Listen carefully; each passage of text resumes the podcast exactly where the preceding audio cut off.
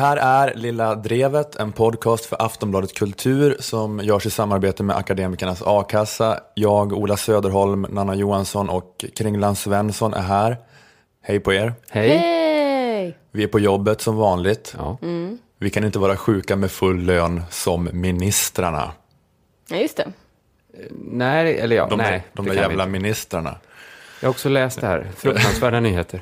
DN avslöjade i veckan att eh, statsråden inte sjukanmäler sig när de är sjuka utan istället då citat jobbar hemifrån.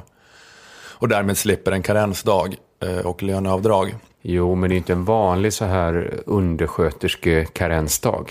Det är ju tusentals kronor det handlar om. Ja, det Det är är det. väldigt mycket pengar när man har så hög månadslön. Ja, precis. Så att det, viss förståelse kanske man kan ha. Vi kan i alla fall inte göra så. Vi vet inte ens vad en karensdag är, för vi är ju mediafrilansare. F-skatt, proletariatet. Just det. Vi måste leverera veckans podd, även om vi är i sista stadiet av ebola. Ja. Annars går gigget till Cissi Wallin. Så, ja, men så är ju livet Så i är det, så är mediebranschen, det. så är det för oss. Ja. Eh, hörni, det finns en sån här improvisationsteatergrej i Stockholm, eh, kanske på andra ställen också, där de bjuder in en människa, någon slags kändis, som intervjuas eh, på scenen om sitt liv. Mm, det finns här i Malmö också. Ja, eh, personakt kallas det. I Stockholm i alla fall. Personen berättar någon episod från sitt liv. Sen så flyger improskådisar upp på scenen och gestaltar det personen berättat i en scen. Just det, kanske den första kyssen. Precis. Den får man gestaltad utav några människor som varit ganska nära att komma in på scenskolan. Kommit till näst sista gallringen kanske. Eh, och jag såg en intervju i SVTs Godmorgon-program med Miljöpartiets eh, språkrör Gustav Fridolin. Han är överallt. Ja, valår och så vidare. Men han var med där med anledning av att han eh, skulle vara med, vara med på den här grejen. Eh, Ah, ja, jag få, få sitt liv improviserat. Gustav, vad är det som lockar dig att vara med på det här? Då? Jag, eh, jag tror väl att ett gott skratt förlänger livet. Eh, Och eh, det finns väl inget mer häl- hälsosamt skratt än det som är åt ens egna eh, brister och åt en själv. Eh, Och jag misstänker nog att jag kommer få skratta lite åt mig själv ikväll. Så att, eh, det se till. jag blir några år äldre ikväll. Det hörs att han blivit några år äldre. För att det var en väldigt gammal människa som berättade om humor. Ja, men det är ju fascinerande med Gustav Fridolin att han är 92 år gammal men han har så slät hy och är så fast i hullet. Just det. Eh, Och jag funderar på om det är så att han är bloddopad. För det kom en eh, nyhet igår om eh, genombrott i bota åldrande forskning. Gud vad spännande. Eh, Forskare på Harvard injicerade blod från unga möss in i gamla möss. Och då ökade deras hjärnaktivitet och muskelstyrka. De blev yngre helt enkelt. Oj, det här kommer öppna upp för en väldigt obehaglig marknad, känns det som. Ja, det, det är så jävla basic på något sätt. Att så här, man tar de ungas blod för att vara evigt ung. Alltså så här, samma teori som kanske forskarna på medeltiden hade. Men är Den det visade så... sig stämma. Man tänker ju jobb, som du säger Nanna. Men samtidigt, de unga får ju... Det är ju inte så att blodet försvinner och så har de inget nytt. Nej. Alltså det är värre med, Nej, men det, med det organ. kanske är bättre om det det blodet går till eh, donation. Så att det kan användas. Jo, om det är alternativet. Att fatta... Ja, men det är väl nog svårt att få människor att gå dit. Jo, jo, men kanske så här fattiga i fattiga delar av världen kanske inte tänker så här, nu ska jag gå och donera mitt blod. alltså det är blod som kanske ändå inte hade blivit något med. Men eh, eh, grejen med den här nyheten är också att Elisabeth eh, Bathory har fått rätt. Vem, ja, vem är hon? Grevinna i Ungern på Ja, hon som var 1500-talet. så eh, hemsk. Ja, precis. Hon var kanske den sista personen i världshistorien man trodde skulle få rätt. Men hon var alltså, hon var känd för sin skönhet. Eh, Hon var väldigt eh, självmedveten och fåfäng. Så när hon började åldras så blev hon väldigt orolig då. Men då kom hon på grejen att om hon eh, badade i blod och drack unga eh, flickors blod så höll hon sig evigt ung. Så hon mördade 612 eh, tonårsflickor. Och hon lever idag, eller på vilket sätt har hon rätt? Men hon var ju då på spåren. Nu har ju, nu har ju Harvard gett henne rätt. Att unga människors blodet. blod. nej, nej okej, hon hade inte någon, eh, hon hade inte förmågan att injicera det. Men nej, nej, just det. Hon var, hon var snubblande nära. ja, hon var inte helt ute och cykla i alla fall. Eh, Hör man ett Nobelpris delas ut på Studs? hör, man Djuret av små, små fötter. Som kommer med ett Nobelpris. Det är Astrid Lindgren och Elisabeth Bathory som ska ha posthuma Nobelpris. Man ska göra undantag för någon. Men eh, Gustaf Fridolin, han var ju också med i Agendas eh, partiledardebatt i söndags. Eh, Och efter debatten blev han intervjuad av Expressens eh, Niklas Svensson. Hur tycker du att det gick i debatten ikväll? Ja, det får tyckarna avgöra. Men vad tycker du själv? Nej, det får tyckarna avgöra. Nu blir det, nu blir det, nu blir det en öl på karmen och så får man, avgöra, så får man diskutera det i goda vänners lag då.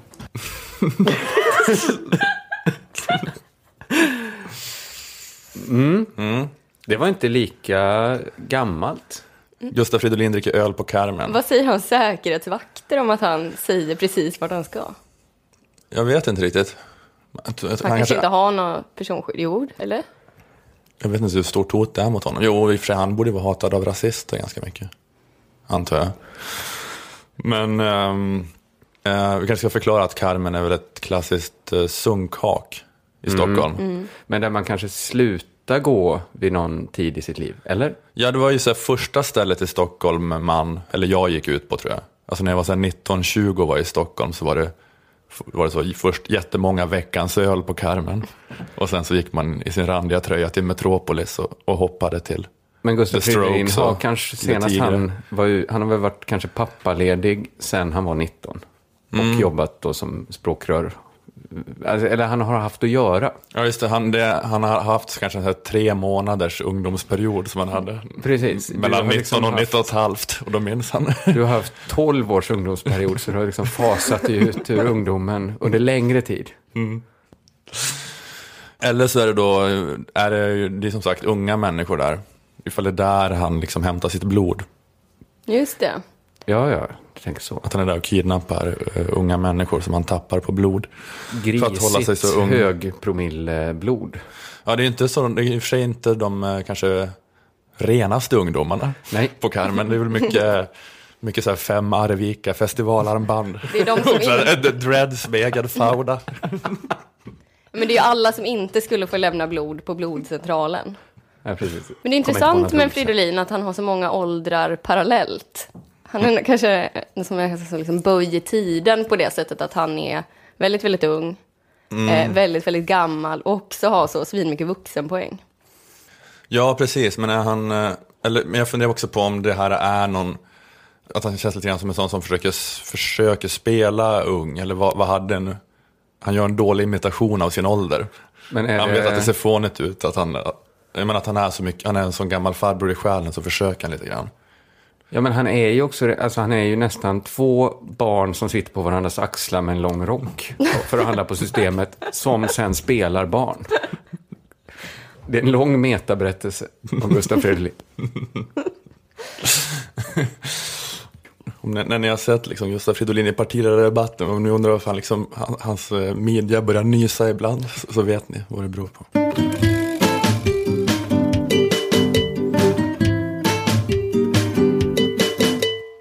Har ni hängt med i det norska nyhetsflödet? Nej, Jag, eh, ja, men jag har hört om det här eh, som jag tror du ska prata om, som jag vet att du ska prata om. Ja, just det, för jag sa det innan. Och Sa det du, innan. du har också läst. Du kanske har läst eh, Världens gang?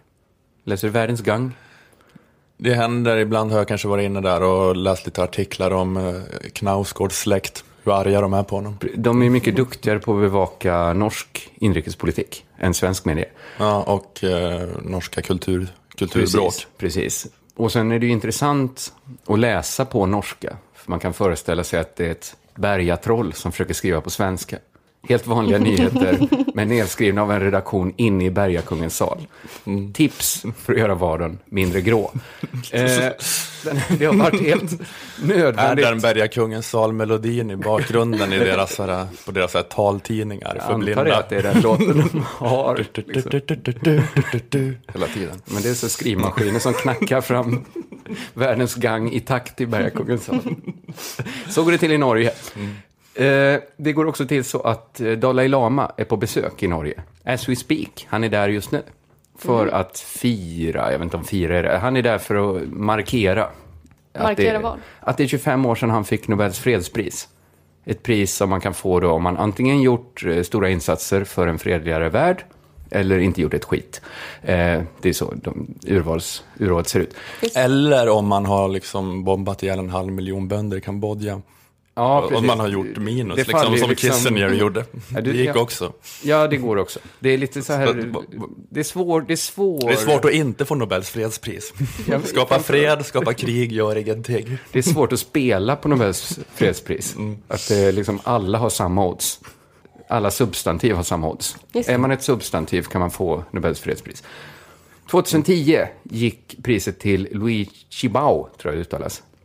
Ledsen om jag uttalar fel, men jag, så är det. Eh, Li Chibao fick i alla fall eh, priset för sin långa kamp för mänskliga rättigheter i Kina. Och då hotade Kina alla europeiska regimer som skickade representanter till Oslo att det här kommer få konsekvenser. Det är hårt. Eh, och värst konsekvenser fick det såklart för Norge. Eftersom det var de som gav han priset. Så sen dess så är det ganska kyligt mellan Norge och Kina. Men har de infört någon slags handelsblockad eller sånt där? Eller? Ja, alltså de pratar inte alls. Pratar inte, Men har de inte. haft så en eh, BFF-relation Men har tidigare? inte alla kapitalistiska länder en BFF-relation med Kina? Får inte Norge liksom importera kinesiska produkter längre? Eller? Eh, Det är möjligt att de får, men Kina är ju framförallt... eh, Så, så är det väl en stor marknad man vill Ja, sälja till. Och kanske köpa då deras arbetskraft. Det är liksom... eh, Ja, men det är både ekonomiskt och politiskt. Politiskt kanske de inte hade något superutbyte. Eller jag vet inte riktigt, Kina, Norge. Eh, Men det är väl det här då, det ekonomiska, som Norge gärna skulle vilja ändra på. För Kina är ju en härlig laxmarknad. Tänk er en miljard kineser som tar stora tuggor av norsk odlad lax. Fiskfettet glänser på deras lyckliga hakor. Det är ingen tråkig bild. Det är ingen tråkig bild. Nej, du skulle kunna få Nobels fredspris bara för den bilden. Det tror jag. Den bilden av försoning. Jag skulle också kunna fått den om jag inte hade målat upp den bilden. Eh, men den här lyckliga bilden har alla i Norge framför ögonen. Och därför vill ingen i Norges högerregering träffa Dalai Lama nu. Eftersom han är ju alltid på lite... Men är det, är det de som har bjudit in honom? Eller är det jag Nobel? tror att han kanske bjurit in sig själv. Alltså att det är så... Han vill bara åka och malla sig. Jag fick fredspriset för Det är lite hans jobb är väl att åka runt. Eh, Gnugga näsa med Malou von Sivers. Ja, ungefär så. Ja, men Eller? han, han åker väl runt och säger snälla saker.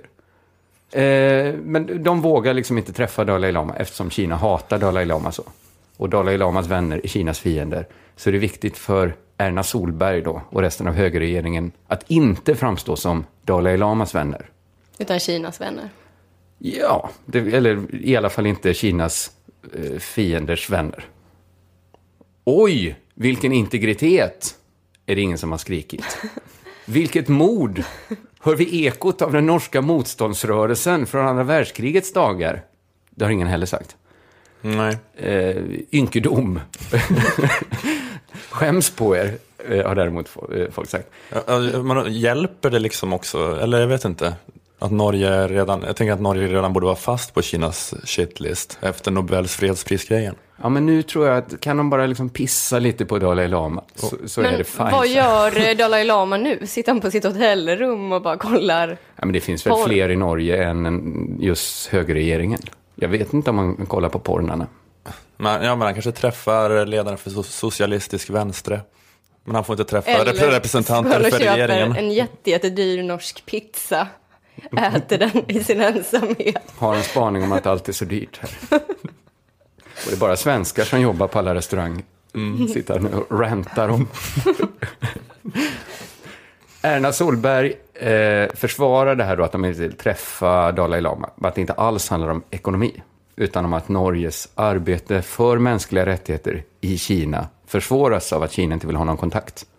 Eh, så för att få lite kontakt då måste man skita lite på Dalai Lama. Man kanske får gå med på att toalettdöpa Dalai Lama. Kanske tvinga honom att äta en dagmask. Om det hjälper Norges arbete med de De mänskliga kanske skulle rättigheterna. få jättegoda relationer då om de verkligen satte åt honom nu. Jag tror att om Erna Solberg personligen sopar till Dalai Lama i magen, så han verkligen viker sig dubbelt, då, då är det liksom fina förbindelser igen. Då kommer Kina bara handla med Norge.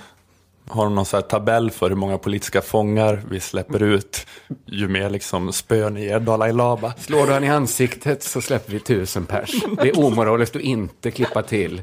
Slår de en trasig vinflaska rakt i ansiktet så släpper vi hundratusen politiska fångar. Då är det fan omoraliskt av Erna Solberg att inte damma till munken. Vad, vad, specificerade Erna Solberg någonting hur Norges arbete för mänskliga rättigheter i Kina ser ut? Nej, det var väldigt luddigt. Det, men det var skrivet på norska också, så det kanske var supertydligt. Eh, det, det, jag, vet inte, man behöver inte ens ta det på allvar, att det här skulle handla om deras arbete med mänskliga rättigheter i Kina. För det är klart att det handlar om ekonomi. Eh, det här är i alla fall, det här är liksom bakgrunden då. Det är lite komplicerat det går, eh, i det här att det går tillbaks till tidigt 50-tal och det kinesiska maktövertagandet av Tibet då, som Dalai Lama leder. Eh, och att han var tvingad i exil. Det är en himla soppa, så jag tänkte bara vi kan reda upp, ut kanske vilka som har uppfört sig odemokratiskt här. Mm. Kanske. Jag, jag vet inte. Jag har inget supercase överhuvudtaget, men jag tycker det var en spännande nyhet. Det är så sällan folk använder Dalai Lama som ett slagträ. Ja, det är, vadå? Han är väl en ganska politisk figur, eller vad menar du? Men är han inte mer som en så här eh, blommande rosenbuske? Som folk liksom, han skickas runt, han säger inte så mycket med substans, det är väl så här behandla varandra snällt. Alltså han är väl ingenting egentligen. Ja, han är väl så när han är med i TV4 liksom behandlas så, men han är väl ändå en... Ja, men alltså vadå, han är ju liksom i opposition med världens största land. De hatar ju honom. Jo, jo, men de hatar ju vem som helst. Det betyder, de hatar ju en poet som kanske publicerar 200 böcker i Kina. Ja, Det jo. säger ju lite om, väldigt lite om hur mäktig man är om Kina hatar den. de är känsliga. Men, ja, men han är ändå liksom en figur som är... eh, Alltså man, man kan ju tycka att de har ju rätt, eh, det var ju fel att göra mot Tibet det Kina har gjort. De har gjort fel när de invaderar, tar över, inför kulturrevolution, Absolut. mördar massa människor. Det skulle varit fel. en, en teokrati fortfarande. Ja men det är ju det som också är grejen, att man tycker inte Med att slaveri. Da- Dalai Lama är ju inte, det här lama-systemet som var det i flera hundra år var inte supercleant heller. Nej, men det var väl inte det. För att eh, om han, han, han är ändå en uttalad vän av demokrati. Och han kom till makten genom en profetia om att den 14 Dalai Laman skulle återfödas i östra Tibet. Så man gjorde noggranna undersökningar på den här tvååriga pojken. Att han fick peka på föremål. Och han lyckades peka ut föremål som hade tillhört den 13 Dalai Laman. Och sen hade han vissa fysiska kännetecken som gjorde att han, man förstod att han var en inkarnation av Dalai Lama. Och Spännande process. ja, och inga sätt att utse en ledare är ju dåliga. Men det här är inte klassisk demokrati. Nej. Nej, nej, men han har väl kanske... Det har varit så i det gamla Tibet att den här Dalai Lama var någon slags envåldshärskare. Men den här äh, laman vi har nu verkar ju då vara beredd att bli som våran kung kanske lite mer, eller? Ta ett steg tillbaks, ja. Ja, fast han är ju inte med. Kungen går ju inte ut och säger att han hatar bögar och abort. Kungen, kungens tal efter tsunamin var ju inte skyll er själva. Så var ju inte kungens tal. sodomiter. Jag menar, Mm. Dalai Lama är ju inte... Han ser ut som en ashärlig människa. Och han klär sig som en ganska härlig människa. Men han är ju ingen ashärlig människa. Det kunde kanske Norges högerpolitiker sagt istället om du nu bara ville slippa träffa honom. Varför ska vi träffa den här munken som verkar inte Tråkig. särskilt soft och lite tråkig. Men sen kan man Han, såklart... han har ju så många sköna i ryggen. Richard, Richard Gere. Honey Beastie Boys, Claes Malmberg. Ja, det är en himla bra fråga att engagera sig i. Tibet. Ja, men, Eh. ja, men i och för sig så är det väl... Det är väl jag, jag är väl också för att Kina ska ut i Tibet. Rasist.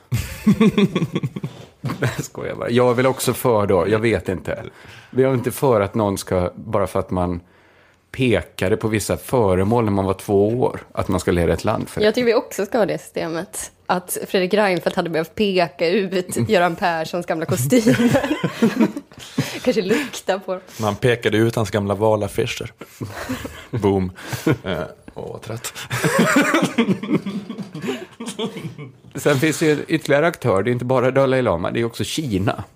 Det är kanske ett osoft sätt de har att pressa på andra länder så här. De är ju en diktatur. Men även om de är dik- en diktatur så är ju deras sätt att pressa Norge, det är ju ändå demokratiskt. För Kina får väl kommunicera och göra affärer med vilka de vill. Det är väl liksom inte Kinas fel att Norge och massa andra länder gjort sig beroende av en diktaturs godtycke. De är kanske demokratiska mot Norge, men inte mot inte mot Dalai, Dalai Lama. Lama. Nej. Det, det måste ju vara klassas som mobbning när en miljard människor går emot en. Eh, Nej, men jag tycker liksom att Kina följer ju, ändå- även om de är en diktatur, så följer de ju liksom det demokratiska regelverket. Det är ju Norges kanske vekhet och alla andra länder som godkänner vekheten, som, som tillåter att det får antidemokratiska konsekvenser. Alltså det kanske är anti... Men vadå, hur följer de det demokratiska regelverket? Att, det är väl ingen fel att säga så här, vi vill inte handla med Norge. De har väl ingen så här skyldighet att handla med alla länder som vill handla med dem. Nej, okej. okej. Det måste väl ändå vara tillåtet. Det, det är väl dummare av alla, alla länder. Alltså alla länder har ju också en demokratisk rättighet att rycka in och säga om inte Kina handlar med Norge så tänker inte vi heller handla med Kina. Då utnyttjar man ju liksom en demokratisk, kanske fel att använda demokrati här, men det är ändå liksom en frihet man har. Fri att inte handla med vem man vill. Det är liksom, man följer bara spelreglerna. Jag tycker liksom, vem är det som har gjort fel här? Jag kan liksom inte riktigt avgöra det. För att antingen har ingen gjort fel eller så har jättemånga gjort fel. Det verkar konstigt att säga att det bara skulle vara Kina eller bara Norge. Alltså, om, Ja, men det är ju Kinas fel från början för att de invaderade Tibet. Okej, så det, det har gjorts ett fel och det gjordes 1950. Nej, men vi gör väl lika fel som fortsätter handla med Kina om vi nu inte uppskattar den här typen av behandling. Ja, men vad fan, det är Om- liksom 1,2 miljarder människor som bara håller på och producerar och konsumerar allting. Vad fan ska vi ta oss till? Nej, vi måste. det funkar ju ändå. Det har ju funkat att inte handla med Kina. Jag vet det kanske inte alls funkar. Vi får bara acceptera att det är den här världen då. Det är, det är gött att, få det bra som kommer av att handla med Kina. får man ta det sura också, att man får, man får piska upp en munk någon gång emellanåt.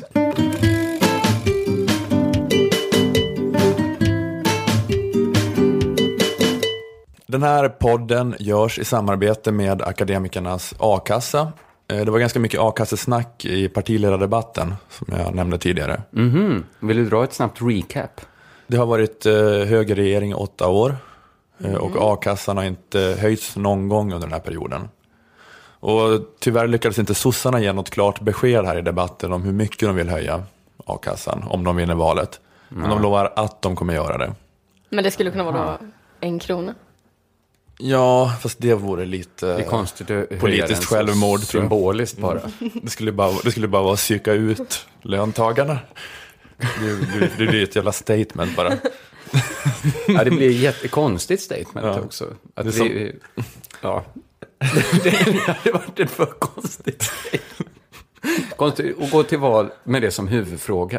Om vi Kask. vinner, tänker vi höja a-kassan med en krona i månaden? Blir du arbetslös så kan du räkna med att få 80% av en krona mer ut varje månad. Men, men de sa alltså i sin skuggbudget i höstas så hade de en ganska rejäl höjning. Att man skulle kunna få upp till 20 000 i månaden vid arbetslöshet istället för 15 000 som det är idag. Oj, Men det har ju lite grann, eh, jag vet, inte- jag vet inte riktigt ifall de, nu darrar de lite grann på manschetten, men de lovar någon slags höjning i alla fall. Det är nog ganska stor chans att det blir eh, någon höjning efter valet, för nästan alla partier vill det nu. Alla borgerliga, förutom Moderaterna, tycker också att det är dags för en höjning.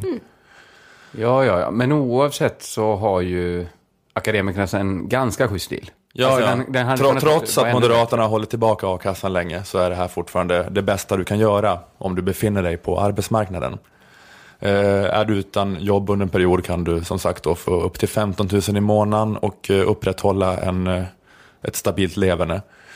Akademikerna har konstruerat testet väljaakassa.se där du kan kolla vilken a-kassa som passar dig. Eh, och är du akademiker så är ju just då Akademikernas a-kassa ett bra alternativ. Eh, vi ska också säga att det ofta är en bra idé för er akademiker att gå med redan när ni är studenter. För sen eh, när ni går ut och börjar söka jobb kan ni under den perioden få en ganska rejäl ersättning bara baserat på ert sommarjobbande eller extrajobbande under studietiden. Det är bra tips. Ja, och det kostar ju bara 90 kronor i månaden. Så att det kan till och med en student ha råd med. Akademikernas.se är hemsidan om ni vill veta mer har ni tagit steget och gått med i a-kassan tack vare den här podden får ni gärna berätta om det på till exempel Twitter eller Instagram och då använda hashtaggen lilla drevet som ett ord.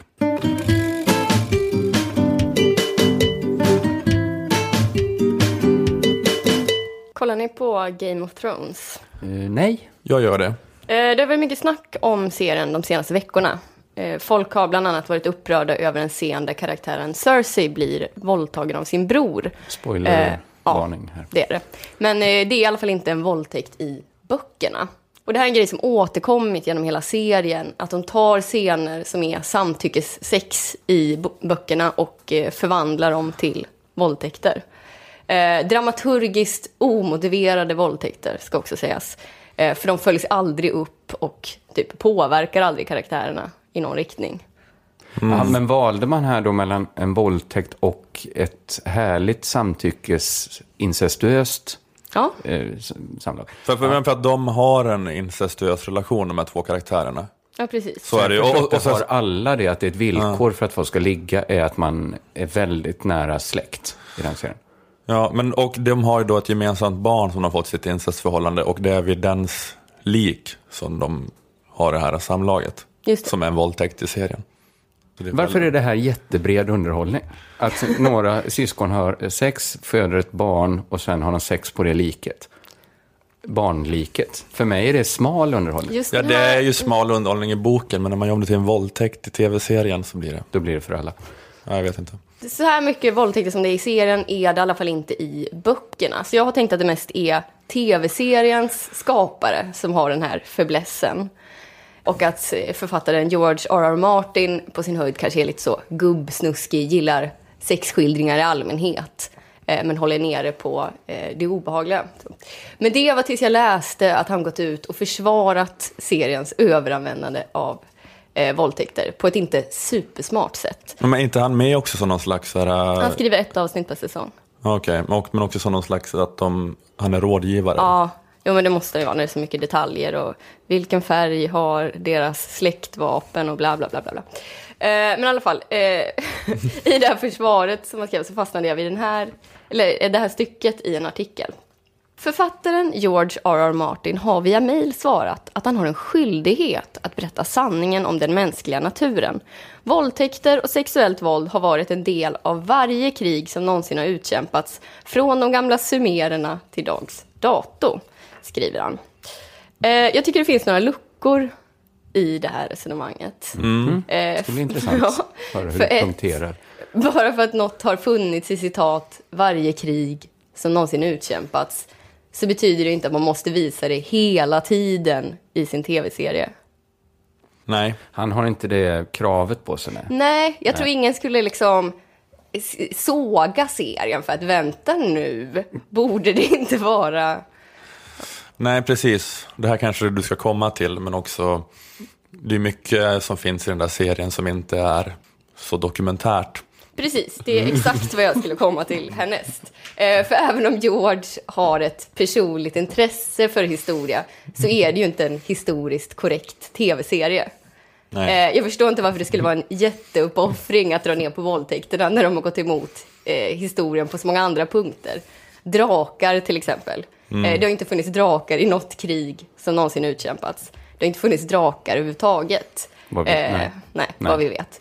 Men man har ju tummat på den saken eftersom det är fiktion. Det är lite det som är grejen med fiktion. Att man själv får bestämma vad som ska vara med och eh, hur mycket av någonting det ska vara. Mm, men det är två bra invändningar då. Ja. Dels att allt som är med i alla krig inte är med. Och dels att det är påhittat. Det är mycket som HBO-serier, att det, är, att det så här frossas rätt mycket då i så här sexism och så här... Mm. Men det är ju skillnad mellan att skildra sexism och att göra någonting sexistiskt. Men här lyckades Ja. ju med både och. Ja, men, det för att då är det så att de eh, skildrar det för att det är så här Mad Men, ja men det var så här på en reklambyrå på 60-talet, då måste vi skildra det. Eller Rome kanske, det var så här i romarriket, då hade man Ja, den synen, det ju- synen på, ja, men, nu- ja precis, men nu är det som att han så här, nu hittar han på en väldigt sexistisk tid. Säger, vad ska jag göra? Det var så här i den här sexistiska tiden jag hittade jag säga, på. vad ska jag säga? Min snuskiga fantasi är så här snuskig. Men det är konstigt, jag tycker det är konstigt att han går in och blunda för försvarar. För att han, hans böcker är ju inte på det här sättet. Eller Jag tycker det är konstigt att han går in och tar den här striden. Ja, ja, ja. När han, eh, Han sköter sig kunde bättre än ha backat ut ur rummet. Ja, precis. Smugit iväg, inte visat sig med. Nej, men om man är svinnoga med att inte ljuga om historien, eh, som man då hävdar, så borde man kanske också så här, inte låta alla ha svingod tandhälsa. Det skriker ju inte medeltid med så Colgate-leende. Men Det är ju inte medeltid, för det är, också, det är ju hans Det är en alternativ medeltid. påhi- påhittade alternativa medeltid. Ja. Det kan ju ha varit eh, fantastisk tandhälsa. Det är ju, det är ju ingen...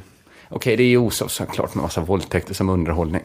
Men man får tänka sig att det är hans fantasier som skildras så rättvist som möjligt. Fast det är ju det de inte gör, för att tv-serien skildrar ju inte böckerna, utan de går ju ifrån på just de här punkterna. Ja, just Men det. känner han att tv-serien rättar till felen han gjorde i böckerna? nu Kanske då? det. Att, eh, Så han, han var inte tillräckligt noga med sina källor. Han slarvade lite det, när han skrev böckerna. jag gav en orealistisk bild av min fantasivärld i böckerna. Nu har folk varit ner och grävt djupare i hans fantasi och hittat snuskigare dokument. Precis. Det är, inte li- det är råare, inte lika tillrättalagt nu, min fantasi i tv-serien. Nej, sen tänkte jag på det här med att ett syskon våldtar ett annat. Det är väl inte något som är typiskt för just krig och har varit det i alla krig som någonsin utkämpats. Nej. Ah, det har Nej, varit och- och jättemånga inte- våldtäkter som, i serien som har liksom, det har inte haft någonting med krig att göra, så jag förstår inte varför han drar upp det. Nej, ofta om man använder det som krigsföring så kanske man gör det mot någon man är arg på då, eller fiende med. Någon som krigar mot den. Är de här syskonen i krig? Eh, ja, men inte varan- med varandra. Nej, men sen är ju de är ju också typ, eh, de är ju väl sådär i kungafamiljen liksom.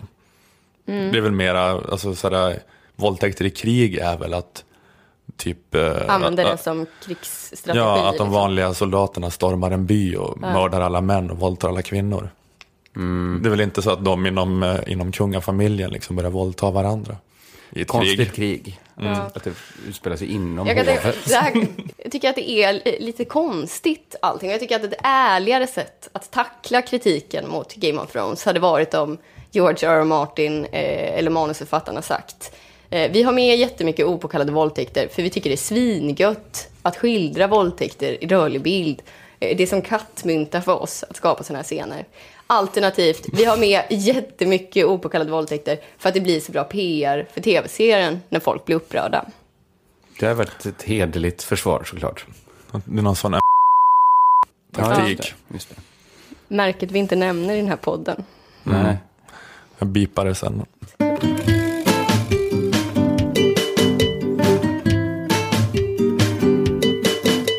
Ja, partiledardebatten som jag har ventilerat 500 gånger redan i podden. Men du, det var sånt hästjobb av dig att ens titta på den. Är Ja. två timmar lång va? Mm, det är den precis. Vi måste få ut lite av det. Eh, men det, var, det här är replikskiftet eh, i den. En oerhört viktig arbetsmarknadspolitisk åtgärd. Det är att stoppa den här importen av ny arbetslöshet, att begränsa massinvandringen. Det Hur kan, du kalla, hur kan du kalla människor som flyr från krigets Syrien för import av arbetslöshet? Har du sett? Vi har än en gång misslyckats att stoppa Jag säger, ett krig Gustav Fridolin- där det används kemiska vapen mot barn. Jag och du säger, Gustav, det för jag, säger av Gustav. Fridolin, jag säger Gustav Fridolin att arbetslösheten till stora delar är importerad. Det är ett faktum. Det var två som lät lite likt va? Jag har inte tänkt Ja, på det innan. Jag Fridolin på det. och Åkesson låter lite lika på rösten. Mm, eh, Inte i vad de säger. Nej, men jag tycker också de låter lika på rösten. Det kanske är mina norrbottniska öron, men för mig är det exakt likadant. Man får en ledtråd i att de tycker diame- diametralt olika. Det är liksom ledtråden till att hålla isär deras röster. Mm, ja, precis. Minnesregel. Eh, Men Gustaf Fridolin blir arg för att eh, SD-ledaren Jimmy Åkesson kallar invandrare för importerad massarbetslöshet. Att det är sjukt att se på invandring på det viset. Just det. Att se bilder på nervgasattacker som dödar barn i Syrien och tänka på importerad massarbetslöshet. Eh, och det, kan man ju, det håller man ju med om. Eh, men jag tror att det är ett problem med eh, eh, jag tror att det är ett problem med debatten i Sverige som tyvärr lite grann uppmuntrar Jimmy Åkessons sätt att tänka. Du får gärna De, utveckla. debatten som vi har Det är så mycket uppmuntrar fokus honom. på arbets... Ja, precis. Lite så. Eh, För liksom de utrikesfödda, alltså särskilt så här flyktinginvandrare som kommit hit nyligen, de är ju arbetslösa i mycket större utsträckning. Det borde inte vara ett sånt stigma att vara arbetslös. Nej, men de rödgröna skriker liksom eh, sig högröda om arbetslösheten. Att den är en, två procent högre än den var när sossarna hade makten. Eh, Och största delen av den ökningen är utrikesfödda. Eh, Reinfeldt sa ju det här för något år sedan, två år sedan kanske. Det är inte korrekt att beskriva Sverige som i ett läge med massarbetslöshet. Om man tittar på etniska svenskar mitt i livet har vi mycket låg arbetslöshet. Just det, han klappar sig lite på ryggen där. Minns ni det här citatet? Jag, jag minns det mycket väl. Eh, och det var, ju, det var ju dåligt formulerat. Etniska svenskar. Det var inte bara formuleringen det var fel på väl?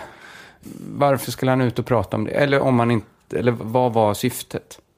Nej men, jag, eller, jag, jag, jag håller med liksom att etiska svenskar är ett konstigt begrepp. Det är inget begrepp man använder någonsin. Det finns inte i statistiken och många kritiserar honom då för att han framställer det som att eh, det inte är ett problem att utrikesfödda är arbetslösa. Vi har inte problem med arbetslöshet eftersom att vi har löst den för etiska svenskar mitt i livet, att de har jobb. Men eh, det jag tycker man kan säga är att, eh, att jag kan ändå förstå Reinfeldts frustration lite grann. För det är lite orimligt att kräva att arbetslösheten ska vara lika låg bland utrikesfödda. För, för det har ju så här kommit mycket människor som inte alls är citat matchade för svensk arbetsmarknad. Alltså många som kommer är ju högutbildade men det har också kommit liksom analfabeter från Afghanistan och Somalia. Och då känns det liksom taskigt av de rödgröna att använda den dåliga statistiken de människorna skapar som ett slagträ. Ja, just det. För de rödgröna är också överens om att man ska få komma hit om man har skyddsbehov. Alltså det ska inte krävas skyddsbehov och att man är matchad, matchad med svenska arbetsmarknaden. Nej, det hade ju varit jättehemskt. Ja men det är ju bra att det är så. Att det är skyddsbehov. Och det håller liksom de rödgröna med om och det håller Reinfeldt med om. Men då tycker jag att man kanske att man måste ändå få säga det också utan att det blir ramaskri. Att Reinfeldt måste få säga att det är en sak att lösa arbetslösheten bland inrikesfödda civilingenjörer och det är en svårare nöt att knäcka att göra det bland somaliska analfabeter.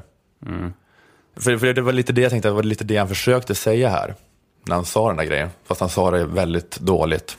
Det, var liksom, det, var ju, det lät ju provocerande. Kanske tolkar dem för välvilligt, men Nej, men det var väl provocerande. Men, ja, men om det är så att det, det kommer ur, ur att någon använt det som en klubba mot honom. Att arbetslösheten är för hög, generellt. Ja, men det, den klubban kommer ju hela tiden. Ja, då och, och, och, då, och, då vill han, och då säger han liksom att ja, men bland inrikesfödda så har det inte blivit sämre. Det kanske att, att det stämmer. Eh, och då låter det väldigt illa när man säger det. Men att det är, liksom en, ja, det är en svårare nöt att knäcka arbetslösheten bland analfabeter. Och det är okej att det får vara så. Ja, ja, det För det finns saker en- som är värre än att befinna sig i ett svenskt utanförskap. Det kanske är värre att ligga i en massgrav i Somalia. Du tittar på mig nu. Ja, ja men det beror på. tycker jag väl. Det beror på. Tyck, vad, vad, tycker inte du det? Jag tycker ju att- Om man är en kvinna i Somalia, det kommer en milis av kattuggande 11-åringar och hugger ihjäl ens make. Det kommer en krigsherre och snittar upp ens underliv med en rostig pianotråd. Men, Vilka obehagliga Man, bilder. man flyr till Sverige, man är traumatiserad, man är analfabet, man har sina barn att ta hand om. då ska man tänka, inget jobb här, nej, då är det jag som flyttar tillbaks. Då Bums eller Betyder du att det är fruktansvärt att hon ska få vara här om hon inte har ett jobb? Är det det du säger? Är det inte, Ola? Nej men precis, men alltså eventuellt kommer hon aldrig kunna ha ett jobb i Sverige. Det är Nej. mycket möjligt. Och det, det kan man ju tycka att det hade varit bättre om hon kunde det. Men det är ju inte det allra viktigaste i sammanhanget. Nej. För nu eh, säger sig SD att massarbetslösheten beror på invandringen. Och de andra bemöter inte ens det påståendet. Men de borde säga att ja, flyktingar som kommit hit de senaste 10-15 åren försämrar arbetslöshetsstatistiken lite grann. Och vi tycker att det är värt det. Men det går inte eftersom att det är så jävla tabubelagt i svensk politik att någonsin säga något annat än att bekämpning av arbetslöshet är det viktigaste, det enda måttet på värde. Nej. Det, det är ju... Nej, för att det talas... Sverigedemokraterna skulle säga att det är en annan sak som inte får talas om. Och det är arbetslösheten bland invandrare. Men det är jag håller ju med dig. Ja, men man hamnar i så här rävsax i debatten med SD. För om arbetslösheten alltid i alla lägen är den viktigaste frågan, alltså då, då ska ju inga analfabeter få komma hit. Då har ju SD rätt om man tar Ja, man debatten, det högre än... om man tar debatten på den planhalvan.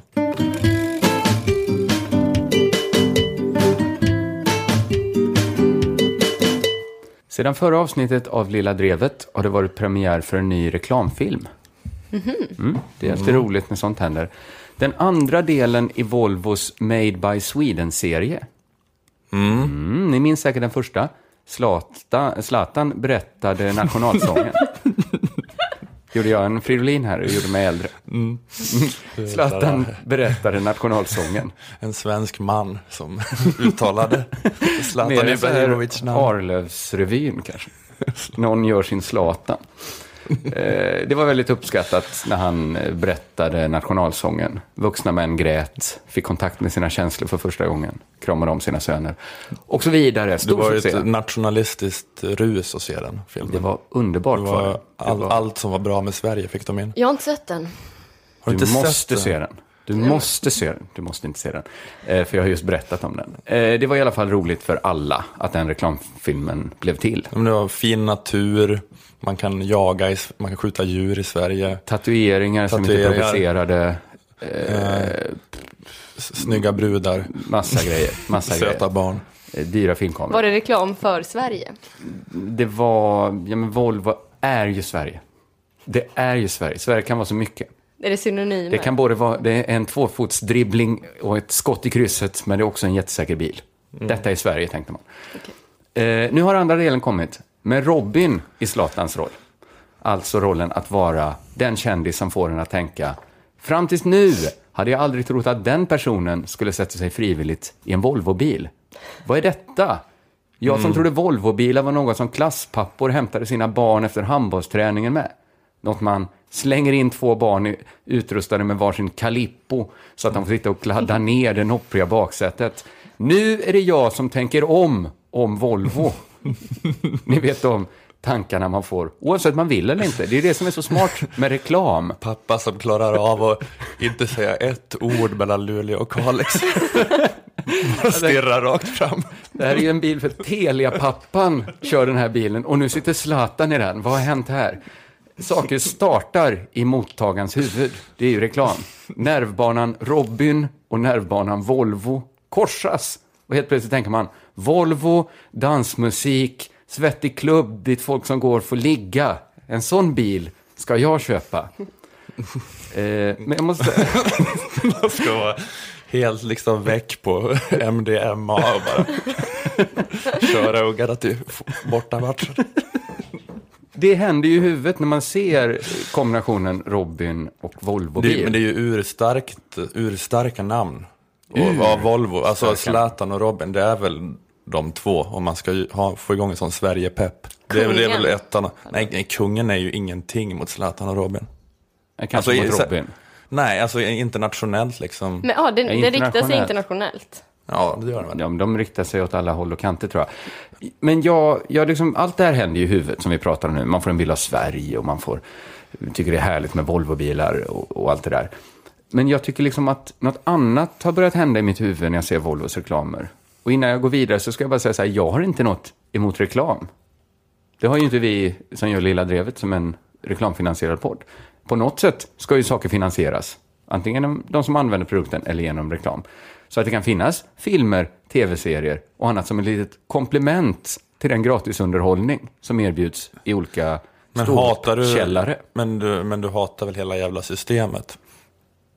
Det gör han jag- jag har- inte. Du hatar, du hatar, jag förstår att du inte hatar the player, men du hatar the game. Ja, Du, du, vill, du vill ju hellre, Jag du vill ju hellre att det ska ha- vara ett ministerium i en kommunistisk drömstat som liksom ger pengar till, Jag bryr mig inte om kultur. hur det finansieras. Jag vill bara ha ett litet, litet komplement. Kanske en film. Som ett litet komplement till gratis pungvitsar på Big Ben i Stockholm. Bara något, något som kompletterar gratisunderhållningen som finns. Med det sagt så får jag en lite oskön känsla av Volvos Made by Sweden-reklam. Från tanken är liksom att då man ska hoppa till, som ni var inne på, alltså hur fan fick de Zlatan att göra reklam för en Volvo-bil? Robin trodde väl aldrig hon skulle vara en Volvo-bil. Det är ju den spännande clashen man är ute efter. Det här är Sverige. Både åka runt i en säker bil och göra en duett med röyksopp. Det är Sverige. Men min tanke kan liksom inte låta bli att stanna vid, oj, hur fick de med Zlatan och Robin på det här? Sitter du bara och tänker på det hela tiden? Jag tänker på det hela, men det är väl det, är väl det man ska tänka. Oj, hur lyckades de med detta? Det är väl jättelätt att räkna ut. hur de lyckades med Ja, ja det, det kommer ju sen, det är ju där Man tanken kanske fortsätter. sitter och gissar summan. Ja, Att, men du tänker att det är för mycket pengar, för de vill absolut inte det här. Det har blivit, det har blivit något så här liksom offer, men jag you kollade och, och googlade lite så här Zlatan, Volvo. Det som förslagen som kommer upp är ju lön, pengar, arvode. Alltså folk är väldigt intresserade. Men, det, säger- det, Men i Zlatans fall tänker jag att det kanske var rätt bra PR för Zlatan också. Han hade ju fått en liten så här PR-dipp för att han, när han hade snackat om da- damfotboll och sådär. Och så nu liksom eh, gjorde han något som var rakt in i vedboden hos alla svennar. När han liksom Ja, men Robin var har- med Volvon. Men, menar, men, ja, men Robin tänker jag. Hon har han också lite, haft lite sånt att hon har sagt att men jag längtar hem så mycket till Sverige. Så jag var tvungen att göra den här. Eller jag älskar miljövänliga bilar. Men jag tänker att Robins alla liksom, eh, alltså Robin kanske ändå har en fanbase med så medvetna människor som kanske liksom är emot eh, att personbilar förstör planeten. Eller jag, jag tänker att det vara mer komplicerat för henne. Lite mer kanske det, vänstermänniskor som att hon har har ju fått den, den nya miljövänliga bilen. Så hon löser ju det här urgamla problemet. Hur ska vi göra egentligen med, med det här med miljön? Hon körde runt i en sån som har eh, drivs till hälften på etanol eller sånt där. Den drivs på kärlek, går den på. Den, kärlek och klubbmusik tankar man bilen full med och sen kan man köra. Sen behöver man aldrig mer tanka. Man tankar en gång, fullt med, med sköna beats och sen är det bara ut och åka, det tar aldrig slut. Gudrun Schyman bara kom och lägg, gjorde hadd på bilen så bara iväg. Den, med den energin. den förbränner Sverigedemokraters röster och så avgaserna är FI-mandat rakt in i EU-parlamentet. Det är 10 000 romer går rakt in i EU-parlamentet per mil man kör med den bilen. Det är en superbra eh, miljöbil, verkligen. Men det är också en lite mindre soft historia som berättas. Berättelsen om hur stort och framgångsrikt Volvo är. Alltså en historia, en historia som berättas med reklamfilmen är ju faktiskt att det går så bra för Volvo att de har råd att anställa Zlatan till ett jobb som andra företag använder Claudia Galli. Volvo är så lyckade att där andra får nöja sig med Paul Tilly så kan de få Robin. Det är ju en del av nyhetsvärdet, en del av succén. Men det känns, som, den bygg, det känns som att den bygger mer på hur fan fick de han eller hon-faktorn än på oj vilken vacker berättelse om Sverige-faktorn. Ja men det är väl eh, för att det är ju ändå det företaget som på något vis är mest synonymt med Sverige. Och sen så liksom har de haffat de två största samtida svenska profilerna. Det räcker väl nästan. Ja, men det är för, att, för att de är ju helt obegripliga och värdelösa de här filmerna. Ja, ja, de är, så det är de jätte, jättedåliga filmer. Så, men det är ju att det räcker med att det bara är de som åker runt. Ja, men det är där jag tycker att den här, hur fan fick de den faktorn är lite äcklig. Det blir liksom en demonstration i att Volvo kan få vem som helst att dansa för dem. Det är lite äcklig faktor att jobba med. Alla är till salu-faktorn. Tror ni mig inte så kan ni kolla här, kolla den här filmen, då, faktorn. Och jag anklagar liksom inte Zlatan eller Robin, jag skulle liksom själv dricka olja direkt ur en Volvobil om jag fick betalt för det. Men du säger ingen summa nu, det räcker med en krona då. nej, att någon frågar. Nej, men ingen skulle ändå tänka, oj, hur fan fick de Kringlan att göra det? De flesta skulle säga, vem är han? Sabba subba så sossarna ska höja a-kassan med. Skulle du dricka olja ur en bil? Ja, men det skulle jag kanske kunna utmana. Då kan du ha det som vallöfte, så Sada Antigan så höjer vi a-kassan med en krona. Eller så får vi den här killen att dricka olja. För varje krona som ni höjer a-kassan med kommer jag dricka en liter olja direkt ur en Volvobil. Jag vet inte vad jag vill ha sagt med det här. Mer än att jag inte får de här Jan Gradvallska lyckokänslorna när jag ser Volvos bilreklam. Nej, men du har inte fått Jan Gradvalls pengar heller för att känna Nej, de lyckokänslorna. Hur fan fick de ha han? Nej, men jag, jag tänker ändå att det är något, eh, att man bara ska tänka att fan vad mäktigt Sverige är. Det är inte det de här reklamerna går ut på. Fast varken Sverige eller Volvo är väl särskilt mäktiga. Nej men man, men alltså att Volvo har ju då på något vis, Volvo var ju liksom en så här, hörnsten då i gamla folkhems-Sverige. Och nu har de liksom ömsat skinn på, det finns väl inget bättre sätt att visa att man har ömsat skinn och gått in i ett modernt Sverige än med de, just med de här två profilerna. Att nu är man Volvo 2.0. Men det är mer en sån styrkeuppvisning, typ som en nordkoreansk parad. Ja, men det är så tänker Folk jag. står och svälter utanför stan, men där är det, visar man att här har vi det så bra, så bra. Minus att folk står inte och svälter då. Men hur fan ska reklam vara då? Ska man inte visa? Tycker ni att reklam ska vara självspäkande på något sätt? Tycker reklam ska vara bra information. av olja.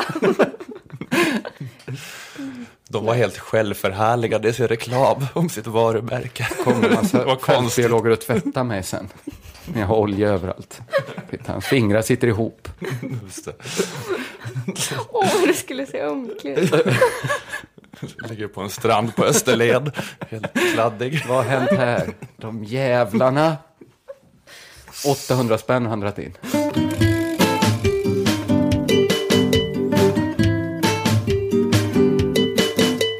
Sveriges Radio har gjort en intervju med en eh, nazist i Mora som har blivit rätt delad. Eh, det är en kille som kandiderar för Svenskarnas parti i Dalarna och jag tänkte att vi kunde lyssna på några bitar ur den här intervjun. Eh, jag har inte valt de delar där han säger typiskt nazistiska saker utan valt att fokusera på hans teknik när han hanterar journalister. Eh, men jag tycker vi i Lilla Drevet kanske ska komma med något tips på en annan mediestrategi skulle kunna använda om det nu är nödvändigt att byta strategi. Eh, det första klippet här är ganska långt men jag vill inte korta det för det är lite pauserna som gör det. Här kommer det. Är det någonting just i, i Dalarna som landskap kanske som tilltalar personer med samma politiska åskådning som, som dig? Dalarna har ett vackert landskap. Det är ju många som håller till i trakterna här kring Mora av er och Borlänge, Ludvika hållet också. Eh, hur skulle du vilja säga att er utveckling har varit de senaste åren? Hur menar du? Ja, rent eh, partipolitiskt alltså i, i ert parti här i Svenskarnas parti i Mora och i Dalarna. Hur har utvecklingen varit för er? Väldigt god. På vilket vis? För mar- varje månad som går så ökar vi. Hur många är ni idag då? Det svarar vi inte på. Varför inte då? Därför. Därför, alltså, kan du lämna ett mer utförligt svar? Nej. Ja, vad känner ni här? Men jag känner så här eh, att det här är ju en oklippt intervju. Alltså, det, många, alltså, journalisten använder ju den här triumfka intervjutekniken där man, man är tyst. Men han, han har mött sin överman här. Verkligen. En ännu mer fåordig nazist. Eh, som, som sparsam med orden och lite hemlighetsfull. Jag tycker det är, så, det är så dubbelt när man hör sådana här, såna här liksom, eh, delningssuccéer som dyker upp med nazister ibland. Att man dels, eh, man vet liksom inte ifall det är, är det något att förfäras över eller är man med i någon slags så här, liksom, äcklig underklassmobbing när man skrattar åt det. Jag tycker folk får Fast sluta en- säga att allt är underklassmobbing nu. Det här är ändå en människa som kandiderar. Ja, absolut, absolut, det är klart. Ja, men snart kommer man behöva så här varningsmärka universitetens kurskataloger med så här cigarettvarningar. Att går du en A-kurs här så förlorar du all din rätt att kritisera arbetarklassen när de beter sig som idioter. Jag tycker liksom det är inget rimligt att allt ska vara klassförakt och klasshat. Vi, vi vet ju ingenting om den här människan heller. Nej, men jag, jag vet inte vad det är jag försöker säga. Det är kanske inte är det att man inte ska få kritisera det, men det är så att Ja, precis. Det eller det är bara att det är för enkelt. Det är kanske bara det som provocerar mig. Det är för enkelt. Ja, men jag uppskattar inte journalistens lilla skratt. Nu tar, jag ska inte jag ta en nazist i försvar här, men visst, fan, visst skrattar han till på en av frågorna? Fast man blir, det, det blir ju automatiskt så att man ömmar lite för den som är i underläge. Fast är Ja, men det det? kanske är en bra nazistisk strategi att Att skicka fram sina... skicka fram verkligen så här skåpen. För att om deras ideologi är liksom den starka rasens överlevnad så har de ju varit skickliga då på att fronta med, med liksom verkliga katastrofer. Ja, just det, ifall någon av oss kommer liksom och är vältalig och rapp framstår det bara som ännu obehagligare. Men den här, den här killen kanske, den här liksom superförvirrade killen kanske kan så här, väcka moderskänslor hos någon. kanske. Hos mig? Ja. Kunde jag amma så skulle jag ammat den här nazisten. Jag, har, jag avskyr dina åsikter och jag är beredd att dö för att få ge dig bröstet. Det är verkligen någon slags gradskillnad i hur eh, duktiga rasister är på just media. Mm. Att det är som att ju mer rasist du har i dig, ju mer liksom konkurrerar det ut din vältalighet i intervjusammanhang. Just det. Det är nog sant. Mm. Han har inte, han har inte fått supermycket mediaträning heller. Nej, det är ju det som är... Det var därför jag tänkte att vi skulle bju- bjuda Mm. på lite. Ja, men då, jag tror så här en jättebra strategi, den kanske är för bra egentligen. Det är att aldrig gå med på en sån här intervju. Nej, precis. Det kan, om man inte då vill, vill väcka de här ömma moderskänslorna. Jag tror det inte är supermånga som får de här Ja, moderkänslorna. men ska jag ge en riktigt bra strategi så är det att inte bli lite bättre. Bli mycket bättre eller fortsätt vara så dålig. Just det, så antingen ska han coachas av Linus Bylund. Ja. Eller så ska han bara fortsätta Eller så ska göra han sin fråga grej. sig själv, vad skulle jag ha gjort om jag var i den här situationen? Och så göra så. Vad är det ni vill uppnå rent konkret här i Mora? Här vill ni ju ta er in i, i partipolitiken. Vad är det ni vill uppnå här? Ja, om vi kommer in i kommunfullmäktige till hösten så kommer vi vara drivande i frågor som rör äldreomsorgen. De äldre inom kommunen ska naturligtvis få ha det så bra som möjligt i livets slutskede. Nu läser ju du från ett papper här, men det är okej kanske om vi pratar också så här så att det inte blir så läst. Men återigen, återigen tycker jag inte riktigt om den, ton, den uppläxande tonen. Nej, men det är där jag känner så här att läs inte från ett papper om du ska träffa en journalist som vill sätta dit dig. Nej, nej visst. Så är det väl. Mm. Men ändå lite taskigt. Det, det är ju i radio. Han tänkte väl, det är väl ingen Ja. som ser om jag läser från ett papper. Nej, men han var ju inte bra på att eh, få det att låta oläst. Alltså, det Nej, det var den- han ju inte. Men journalisten hade lika gärna kunnat säga, ska du ha de kläderna?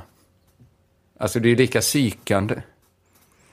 Mm. Alltså det var väl ingen som hade sagt så här att eh, när man blir intervjuad så får man inte ha med sig papper att läsa från. Nej. Men han, ja. Ja, det är ingen, det är inte så att, det är inte Palmeklass såklart på hans tal, även om det är nedskrivet. Nej, alltså jag vet inte. Det är, så, det är svårt ifall vår uppgift ska vara att coacha liksom för att det är eh, det är väldigt många bitar som fattas. alltså, ja, men det är nog som du sa att eh, det är lika bra att eh, chansa på det här med att och, eh, verka, få sympati genom att verka ynklig. Ja, men i den här sista, vad heter den, Pizzellers sista film, Being There, heter den så? Där är det ju en trädgårdsmästare som aldrig varit utanför trädgården hos den gubben som han jobbar hos. Som sen dör gubben och då kommer han ut i verkliga världen. Och då pratar han, då är han en idiot. Han har ju aldrig sett världen. Men alla tror att han säger klokheter. Det kanske är något sånt, alltså verkligen. Han blir så rådgivare åt presidenten och sånt Precis, där. ja. han säger saker som, ja, nu kommer jag inte på vad han kan säga, men, men liksom det är ju dumheter bara. Men alla tolkar det klokt. Ja, just det. De kanske skulle utnyttja den faktorn. Han har i alla fall nått igenom bruset. Nu. Han har bara inga liksom, tillräckligt mäktiga som vill använda honom som sin husidiot. Han skulle kunna bli en jättebra husidiot någonstans, om han kanske skalade bort lite nazism. Tänker du typ en maskot? Nej, men en sån som, som ett orak, ett idiotorakel. Men att du menar att folk tar honom på allvar och tänker, tror att han är oraklet i Delphi Ja, fast han precis. bara är en idiot. Ja, Mm. Tror du någon lyssnar på det här och tänker, honom ska här vi har ha. vi en. Fem män med lustiga hattar. Ser. Eller ska man, eller du menar en sån idiot som Carl Pil- Pilkington eller vad han heter? Han kanske skulle vara med i Lilla Drevet. Är det det du menar? Ja.